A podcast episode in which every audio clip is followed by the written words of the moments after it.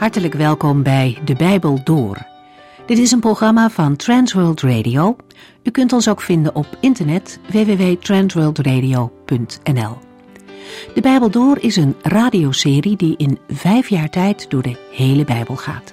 Van Genesis tot Openbaring, van kaft tot kaft.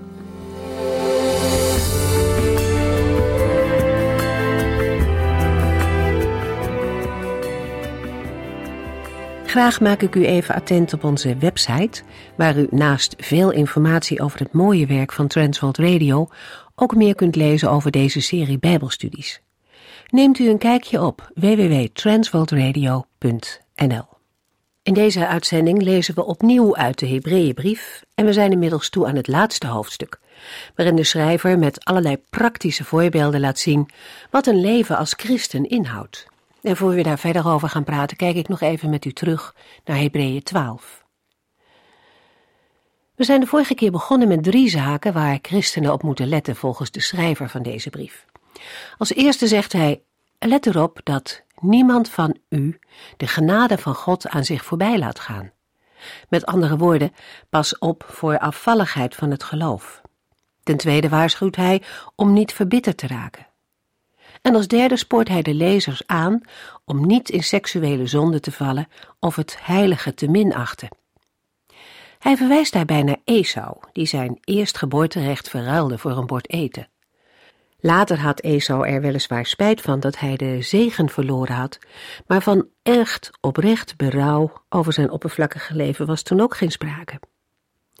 In hoofdstuk 12 maakt de schrijver nog eens een vergelijking tussen het oude en het nieuwe verbond. Hij herinnert aan de indrukwekkende verschijning van de Heere op de berg Sinaï, toen het oude verbond werd gesloten. De Israëlieten waren zo bang dat ze God smeekten om niets tegen hen te zeggen. En ook van Mozes lezen we dat hij ontzet was door alles wat hij zag en hoorde. Ook deze man van God stond te trillen op zijn benen. God verscheen en was eigenlijk onbenaderbaar voor mensen. Daartegenover staat het nieuwe verbond, waardoor mensen dankzij de Heer Jezus mogen naderen tot de berg Sion, de stad van de levende God, het hemelse Jeruzalem. Dat is de woonplaats van Gods engelen en van de gelovigen die al gestorven zijn. Het is ook de plaats waar God is en waar de Heer Jezus aan zijn rechterzijde zit. Ook voor ons is het indrukwekkend om te beseffen dat we mogen komen bij deze machtige God. We gaan verder in Hebreeën 12 vanaf vers 25.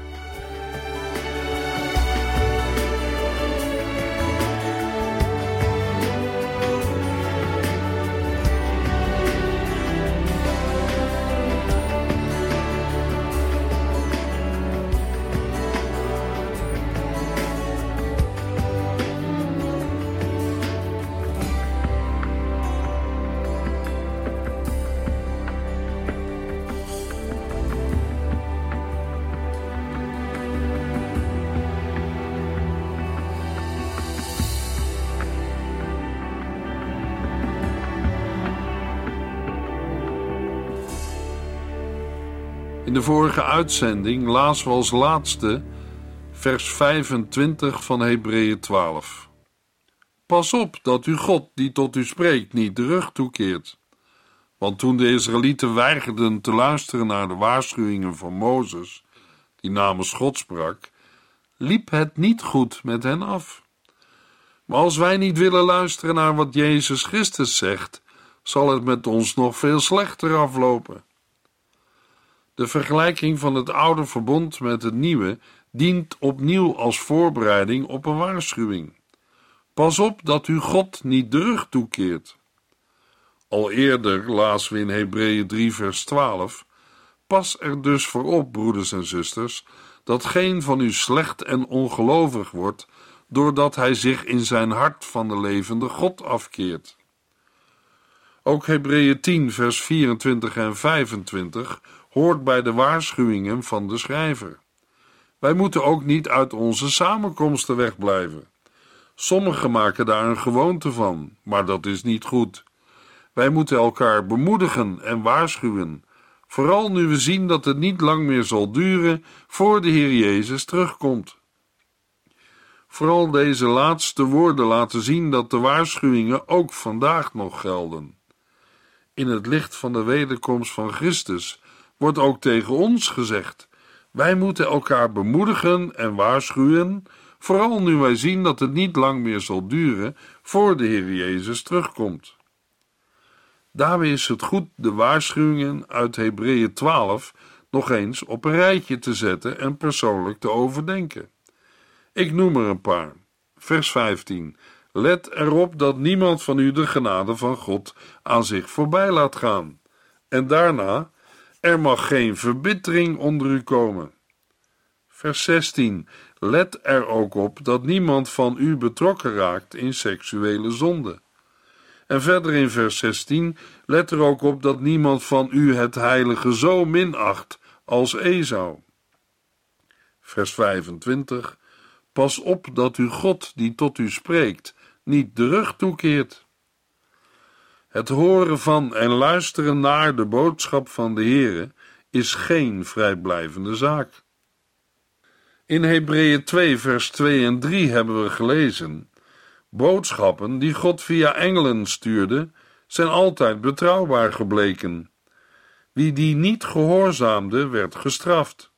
Hoe durven wij dan te denken dat wij de straf zullen ontlopen, als wij geen ernst maken met de geweldige redding die door Jezus Christus zelf is bekendgemaakt en aan ons is doorgegeven door de mensen die Hem hebben gehoord? Luisteraar, door de woorden van bijvoorbeeld Hebreeën 3, vers 7 en 8 spreekt de Heere vandaag tot u en jou.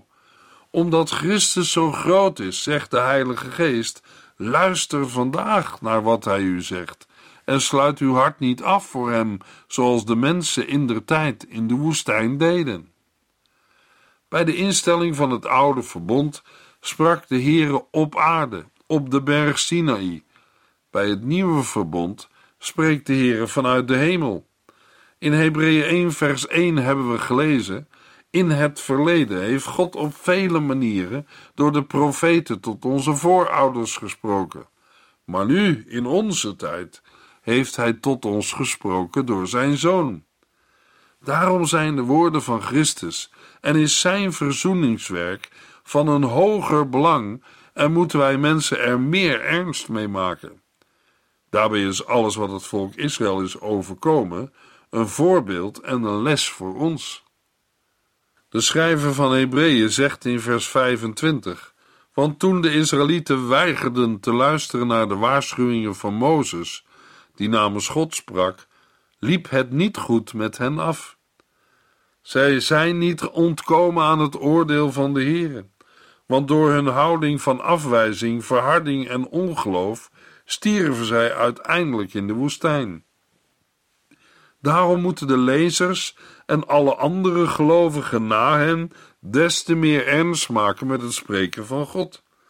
Want als wij niet willen luisteren naar wat Jezus Christus zegt, zal het met ons nog veel slechter aflopen. Waarschuwingen tegen afval van het geloof lezen we ook in 2 Timotheus 4, vers 3 tot en met 5. Want er komt een tijd dat de mensen niet meer naar de waarheid willen luisteren, maar leraren zoeken die hun vertellen wat ze graag willen horen. Zij zullen niet naar de waarheid luisteren, maar hun eigen dwaze ideeën volgen. Blijf kalm en wees niet bang om voor de Here te lijden. Breng anderen tot Jezus Christus. Laat niets na van wat je moet doen. Het is een ernstige zaak om niet naar de waarschuwingen van de Here te luisteren. De Heer Jezus zegt in Johannes 7, vers 16 en 17: Wat ik u leer, heb ik niet van mijzelf, maar van God. Hij heeft mij gestuurd. Als iemand ernaar verlangt Gods wil te doen, zal hij kunnen onderscheiden of mijn woorden van God komen of van mezelf. Luisteraar, als u de wil van de Heere doet, zult u ervaren of deze woorden van de heiland waar zijn of niet. Maar als u weigert naar Jezus Christus te luisteren, vraag ik u: op grond waarvan denkt u dat u Gods oordeel zult ontlopen? Als u geen ernst maakt met de geweldige redding die door Jezus Christus zelf is bekendgemaakt en aan u is doorgegeven. Hebreeën 12, vers 26. Toen God vanaf de berg Sinaï sprak, schudde de aarde van zijn stem. Nog één keer, zegt hij nu, zal ik niet alleen de aarde, maar ook de hemel laten schudden. Nogmaals benadrukt de schrijver dat het woord dat God vanuit de hemel spreekt veel krachtiger en daarom belangrijker is dan de woorden die de Heere destijds op de Sinaï sprak. Bij de openbaring van God op de Sinaï trilde de hele berg. Maar als de Heere spreekt bij de wederkomst van Christus, zal niet alleen de aarde beven, maar ook de hemel. Belangrijke gebeurtenissen in de heilsgeschiedenis gingen vaak gepaard met aardbevingen. Aardbevingen worden ook genoemd als tekenen van de eindtijd. Maar bij de wederkomst van de Heer Jezus Christus zal de Heer ook de hemel laten schudden. Het schudden van de aarde en de hemel zal resulteren in een verandering van de oude schepping en het ontstaan van een nieuwe hemel en een nieuwe aarde. Met aarde en hemel wordt in vers 26 de hele kosmos, het heelal bedoeld. Hemel is in dit vers niet de plaats waar de Heere troont. De woorden nog één keer zijn afkomstig uit Haggai 2 vers 7 en 22. De woorden zegt hij nu betekenen niet dat de Heere nu pas deze belofte heeft gegeven, maar dat deze belofte geldt voor het heden, waarin de gelovigen uitzien naar de wederkomst van de Heer Jezus. Hebreeën 12, vers 27. Daarmee bedoelt hij dat alles wat niet vaststaat zal verdwijnen, alles wat gemaakt is. Maar alles wat niet aan het wankelen gebracht kan worden, zal blijven. In vers 27 worden de woorden uit Haggai verklaard, woorden die door de schrijver in vers 26 werden geciteerd. De woorden houden in dat na deze ene keer de schepping nooit meer zal worden veranderd. De tot wankelen gebrachte dingen worden nader uitgelegd als alles wat gemaakt is. Dat wil zeggen, geschapen of gemaakte dingen. Het gaat dan ook om het zichtbare, om deze schepping, de natuur, waartoe we zowel de aarde als de zichtbare hemel moeten rekenen. Dat wil zeggen, de lucht en de sterrenhemel. De hele schepping zal een verandering ondergaan bij de wederkomst van Christus. Al in het Oude Testament wordt geprofeteerd over de nieuwe hemel en de nieuwe aarde die de Heere zal maken. Deze belofte van vernieuwing wordt in het Nieuwe Testament overgenomen. Dan zal alleen blijven waarvan geldt dat het niet aan het wankelen gebracht kan worden. Dat wil zeggen de tabernakel in de hemel, die niet van deze schepping is, de eeuwige erfenis, de rijkdom die God beloofd heeft, de onzichtbare dingen, dingen die je niet ziet, het onwankelbare koninkrijk van God, het blijvende vaderland. Ook de nieuwe hemel en de nieuwe aarde horen tot het blijvende vaderland en de onwankelbare werkelijkheid. Hebreeën 12, vers 28 omdat wij een blijvend vaderland krijgen, moeten wij dankbaar zijn en God dienen zoals Hij het graag wil, met eerbied en ontzag. Het onwankelbare dat overblijft na de verandering van de wankelbare dingen, is niets anders dan het koninkrijk van God, het koninkrijk van de Heer Jezus. Dit onwankelbare, eeuwige koninkrijk ontvangen de gelovigen bij de komst van de Heer Jezus als een blijvend vaderland. De lezers en ook wij worden opgeroepen de Heere voor zijn grote genade dankbaar te zijn en hem door deze dankbaarheid met eerbied en ontzag te dienen. Het woord dienen werd ook gebruikt voor de priesterlijke dienst van het oude verbond. Nu behoren alle gelovigen in navolging van Jezus Christus tot de heilige priesters. In 1 Petrus 2, vers 5 lezen we: U moet zich door God laten gebruiken als levende stenen, waarmee Hij zijn geestelijk huis bouwt. U bent ook de heilige priesters, die door Jezus Christus geestelijke offers brengen, die voor God aanvaardbaar zijn. Alleen met offerdieren zonder gebrek kon er in de oud-testamentische offerdienst een welgevallig offer voor de Here worden gebracht. Binnen het nieuwe verbond moeten we bij een welgevallig offer denken aan een volkomen toewijding en gehoorzaamheid aan de wil van de Here. Gelovigen behoeven voor de Here geen angst te hebben als ze hem dienen. Een houding van eerbied en ontzag voorkomt juist dat mensen lichtvaardig of onverschillig omgaan met Gods genade, want dat zou vreselijk zijn. Hebreeën 12, vers 29. Want onze God is een verterend vuur. Met een citaat uit het Oude Testament besluit de schrijver het eigenlijke onderwerp van het Bijbelboek Hebreeën, namelijk dat de gelovigen ernst moeten maken met de genade die zij in Christus Jezus hebben ontvangen. Het citaat maakt duidelijk dat er voor het leven van een gelovige niet meer dan één mogelijkheid is: met eerbied en ontzag God dienen. Voor wie afvalt geldt Hebreeën 10 vers 27. Het enige wat ons dan te wachten staat, is een vreselijk oordeel, want God zal al zijn tegenstanders in een laaiend vuur verbranden. Het vuur is hier en in vers 29 een teken van Gods oordeel. Luisteraar, mogelijk heeft u moeite met deze woorden. Wat moet een mens met een God die liefde is, maar ook zijn tegenstanders verbrandt in een laaiend vuur? Toch vertelt de Bijbel ons dat de Heere een verterend vuur is. Is dat in tegenspraak met Gods liefde? Nee, want de Heere vindt in zijn liefde niet alles goed wat mensen doen en houdt hen daarvoor verantwoordelijk. Een mens die een ander lief heeft, vindt van zijn of haar geliefde ook niet alles goed. Er zijn dingen die pijn doen en zelfs tot een breuk kunnen leiden. In Johannes 3, vers 16 tot en met 21 lezen we bekende woorden van de Heer Jezus over de liefde van God. Want God heeft zoveel liefde voor de wereld, dat Hij zijn enige zoon heeft gegeven, zodat ieder die in Hem gelooft niet verloren gaat, maar eeuwig leven heeft. God heeft zijn zoon niet naar de wereld gestuurd om de wereld te veroordelen, maar om haar door hem van de ondergang te redden. Wie zijn vertrouwen op Jezus stelt, wordt niet veroordeeld.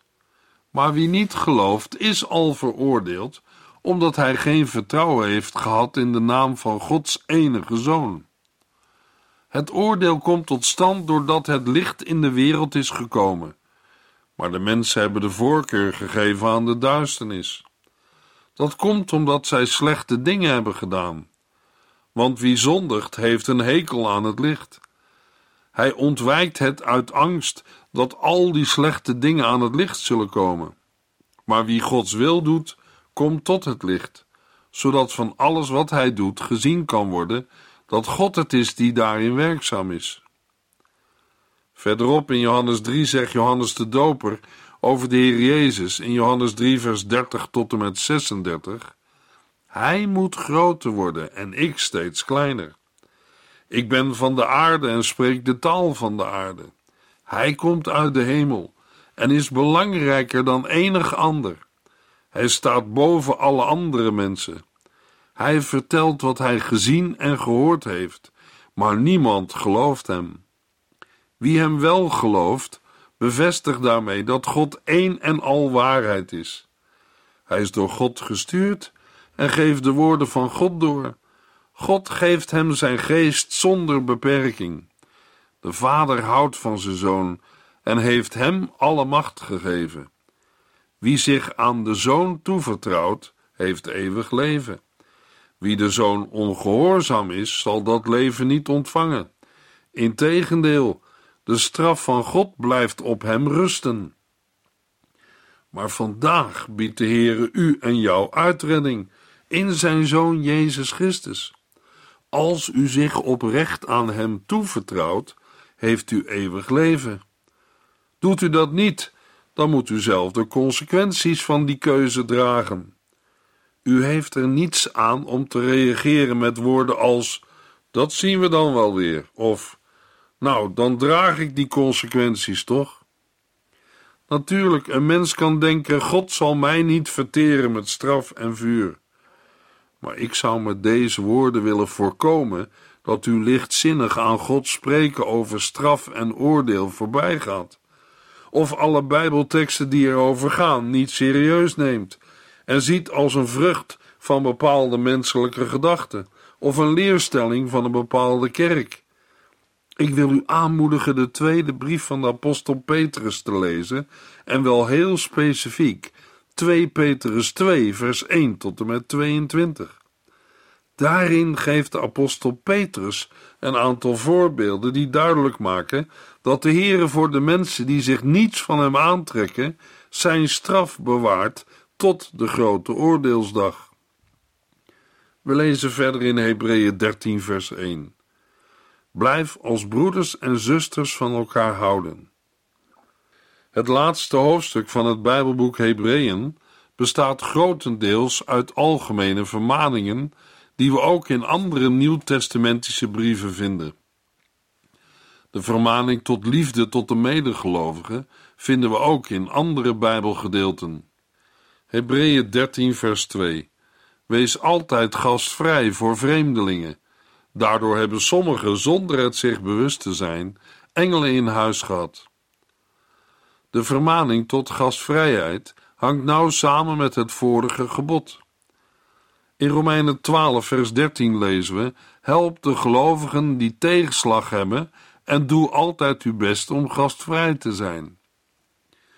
Over mensen die een leidende rol in de christelijke gemeente willen hebben, schrijft Paulus in 1 Timotheus 3, vers 2: Hij, de leider, moet het fijn vinden om gasten te ontvangen en goed onderwijs kunnen geven.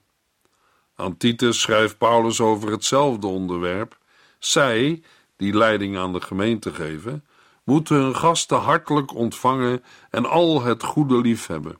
Ze moeten ook verstandig en eerlijk zijn en bovendien geestelijk en sober. Ten slotte 1 Petrus 4, vers 9 en 10. Een oproep voor alle gelovigen. Wees gastvrij voor elkaar, zonder te mopperen. Ieder heeft gaven gekregen.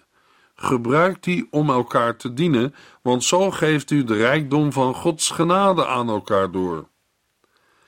Uit de Bijbelse gegevens blijkt dat de gastvrijheid geldt zowel de reizende medegelovigen als ook anderen. De gastvrijheid is vooral in het Midden-Oosten een belangrijke zaak. De schrijver herinnert de lezers aan de voorbeelden van Abraham en Lot, die door hun gastvrijheid engelen in huis hebben gehad. Verder moeten we in dit verband denken aan de uitspraak van de Heer Jezus in Matthäus 25, waarin gastvrijheid, bewezen aan de minste van mijn broeders, wordt beschreven als het helpen van de Heer Jezus zelf. Hebreeën 13, vers 3. Denk aan de mensen die in de gevangenis zitten, alsof u zelf gevangen was. Denk ook aan de mensen die mishandeld worden. Omdat u zelf ook een lichaam hebt, kunt u met hem meevoelen. In het verleden hebben de lezers meegeleden met gevangenen en hen die mishandeld en verdrukt werden. Nu worden zij opgeroepen dit opnieuw te doen. Kennelijk is er op het moment van schrijven weer sprake van vervolging, dichtbij of veraf. De woorden denk aan de mensen zal meer inhouden dan alleen gedenken en bidden. Er moet ook praktische hulp worden verleend. Als belangrijkste motivatie noemt de schrijver alsof u zelf gevangen was. Kortom, als een medegevangene. Op de achtergrond speelt de gedachte dat alle gelovigen in Christus één zijn en samen het lichaam van Christus vormen. In 1 Corinthiërs 12, vers 26 en 27 lezen we: Elk deel moet voor de andere delen van het lichaam zorgen. Als één deel lijdt, lijden de anderen mee. En als één deel geëerd wordt, zijn de andere delen daar even blij mee als hij. U bent het lichaam van Christus, en ieder van u is een deel van dat lichaam. De woorden mensen die mishandeld worden geven aan dat we ook aan lichamelijke mishandeling moeten denken. Hebreeën 13, vers 4. Laat iedereen het huwelijk in ere houden. Man en vrouw moeten elkaar trouw blijven. Wie overspel pleegt, zal door God gestraft worden. Omdat in het Grieks, in het eerste deel van dit vers, een werkwoord ontbreekt, kunnen we de woorden als een stelling of als een aansporing lezen. Het tekstverband, de vermaningen van de eerste drie versen, pleit voor de laatste optie. De aansporing om het huwelijk in alles in ere te houden is in vers 4 waarschijnlijk niet gericht tegen onthouding en het celibaat, maar tegen losbandigheid en echtbreuk. Het in ere houden van het huwelijk betekent voor de ongehuwde dat hij of zij zich onthouden van seksuele omgang. Voor de gehuwde betekent het dat man en vrouw elkaar trouw moeten blijven, want alleen zo blijft het bed onbevlekt en wordt het niet onteerd. We lezen hierover voor het eerst in Genesis 49, vers 4, waar Jacob tegen Ruben zegt dat hij niet langer de eerste zal zijn, omdat hij met een van Jacobs vrouwen had geslapen. Naast overspel wordt in de Griekse tekst ook hoererij genoemd. De schrijver van Hebreeën is er duidelijk over. Wie overspel pleegt, zal door God gestraft worden. Daarbij is het voor een gelovige belangrijk hoe de Heer over deze dingen denkt. In 1 Corinthians 6, vers 9 lezen we: Weet u niet dat onrechtvaardige mensen geen deel zullen hebben aan het koninkrijk van God? Verlaat Gods weg niet. Mensen die vrije seks voorstaan, overspel plegen, blijven buiten het koninkrijk van God. Dat geldt ook voor dieven, gierigaards, dronkaards, roddelaars en oplichters. Maar daarover meer in de volgende uitzending.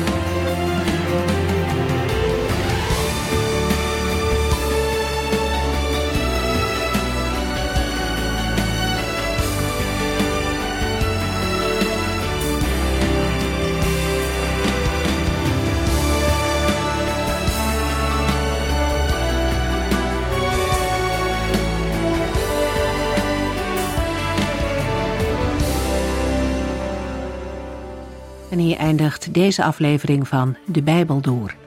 Een serie programma's van Transworld Radio. Wilt u ons iets vragen of meer weten? Dan kunt u altijd contact met ons opnemen. Bellen kan overdag met 0342 478432. Per post Transworld Radio. Postbus 371. Postcode 3770. Anton Johannes in Barneveld. En e-mailen kan ook. De Bijbel door at transworldradio.nl En natuurlijk ook via onze website transworldradio.nl Dit programma werd gepresenteerd door Cor Weda en Ike André. En namens iedereen die er nog meer aan meegewerkt heeft, graag tot de volgende keer.